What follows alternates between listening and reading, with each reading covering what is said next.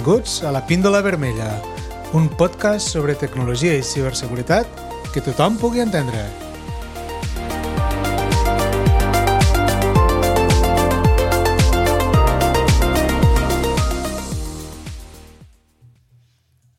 Benvinguts a este episodi nou de la Píndola Vermella.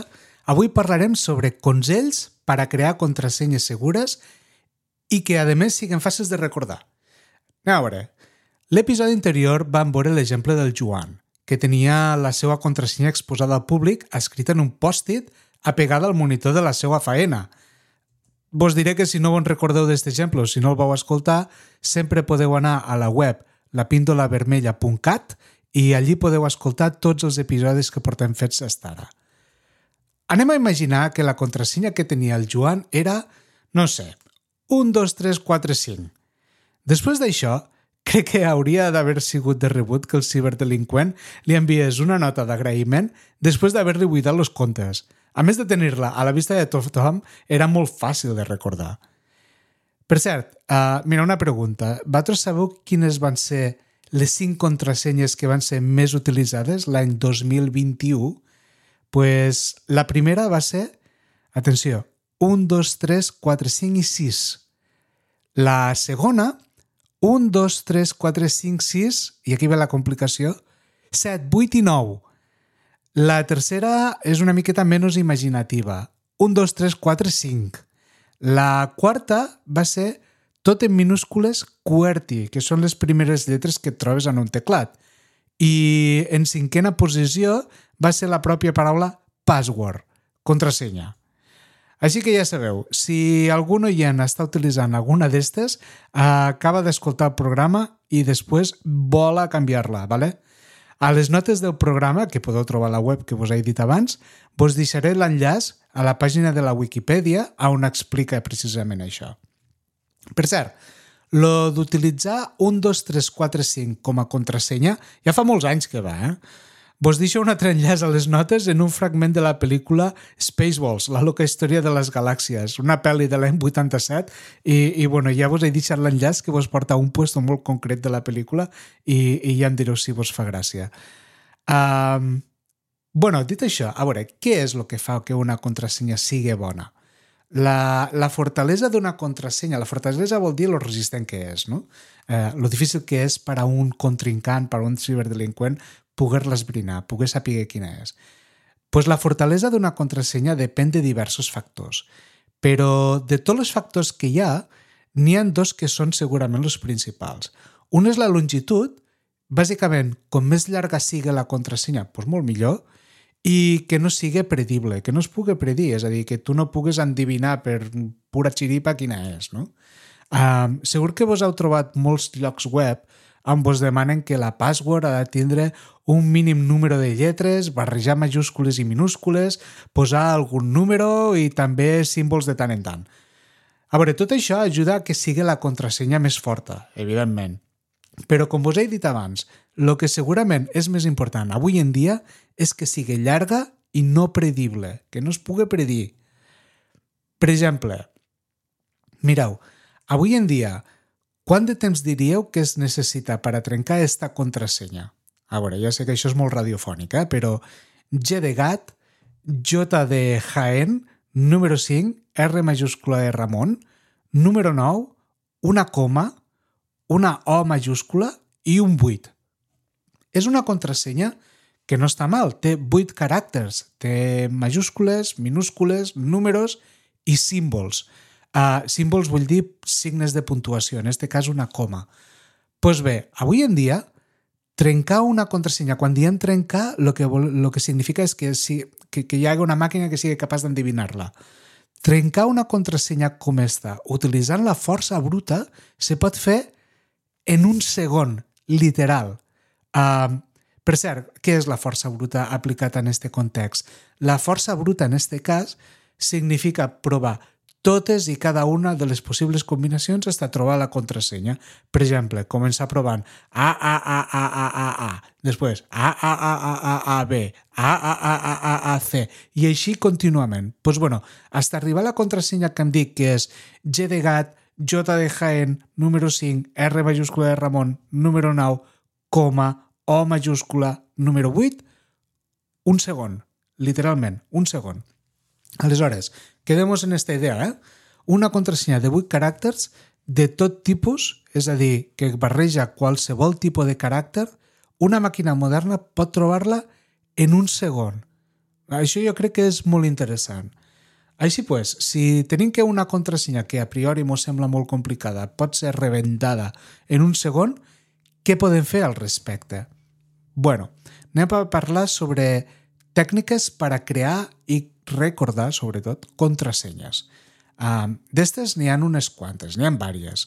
Avui ne repassarem principalment un parell. La primera que repassarem serà la frase de pas, la, la passphrase, que es diu en anglès. Esta tècnica se basa en utilitzar, pues, això, una frase de pas. Se tracta d'una frase que sigui llarga i fàcil de recordar per a tu i després utilitzar la primera lletra de cada paraula combinades en números i símbols. Uh, anem a posar un exemple. La frase, imagineu esta frase. Una altra vegada, molt radiofònica això. La frase. La primera vegada que vaig veure la neu tenia 8 anys i acabat en un signe d'admiració, com volia dir. Tenia 8 anys. Bueno, la primera vegada que vaig veure la neu tenia 8 anys. Esta contrasenya quedaria com L mayúscula, P de Pamplona, B de València, Q de Kilo, B de València, de B de València, L de algo, no ho sé, de Lleida, N de Navarra, T de Tarragona, número 8, A d'Amposta i un signe d'admiració. Uh, està bé, esta contrasenya té 12 caràcters, combina majúscules, minúscules, números i, i fins i tot una exclamació. Tampoc és predible. Uh, vos faig una altra vegada la mateixa pregunta. Sabeu quan tardaria avui en dia una màquina moderna en trencar esta contrasenya? Uh, una mica més que l'anterior, això sí, una mica més d'un segon. Tardaria 8 mesos. Uh, no està gens malament, és a dir, hem passat de 8 caràcters a 12 caràcters que té la contrasenya i una màquina moderna molt potent, avui en dia la contrasenya de 8 caràcters la pot trencar en un segon, la de 12 en 8 mesos. Bueno, està bé, ens tocaria canviar la contrasenya cada 8 mesos. No està gens malament. Però, a veure, encara la podem fer més forta. Imagineu-vos que ara la frase és, recordem l'anterior, la primera vegada que vaig veure la neu tenia 8 anys. Admiració. Doncs pues ara la frase serà, la primera vegada que vaig veure la neu al meu poble tenia 8 anys. Admiració. Quedaria com abans, eh, bàsicament el que han fet ha sigut afegir tres lletres, res més. Eh? Ara té 15 caràcters. Hem passat de 12 caràcters a 15 caràcters. Doncs pues bé, el que ha passat fent això simplement és que hem passat de que un ordinador modern tardaria 8 mesos a trencar la contrasenya que té 12 caràcters a que ara trigaria alerta, que ara parlarem de números grans, eh?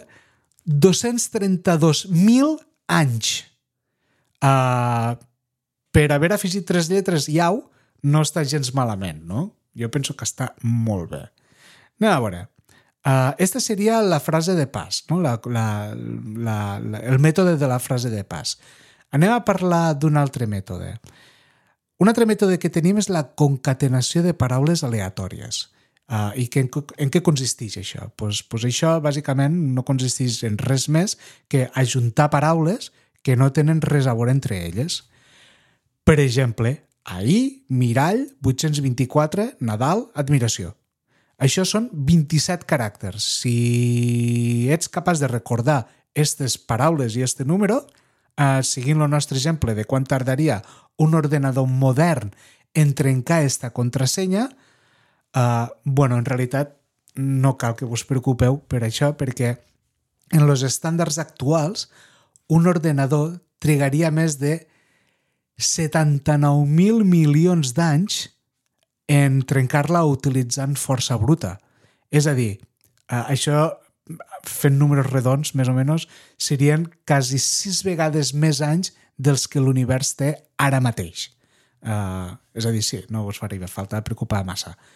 Hi ha altres tècniques per a crear contrasenyes i després recordar-les. Hi ha les tècniques... Podem utilitzar la de concatenació que acabem de parlar i utilitzar més d'un idioma, per exemple.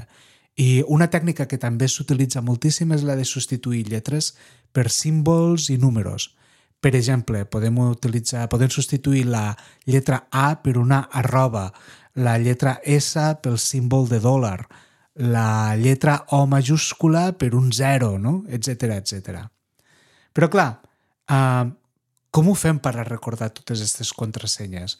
És a dir, jo crec que de moment, en tot el que han vist, el que queda clar és que segurament crear una contrasenya que sigui difícil mmm, que sigui difícil de trencar pues, pues és relativament fàcil, però, claro, com, com ho fem per a recordar-les? A mi particularment les tècniques que me funcionen millor quan he de recordar una contrasenya són dos.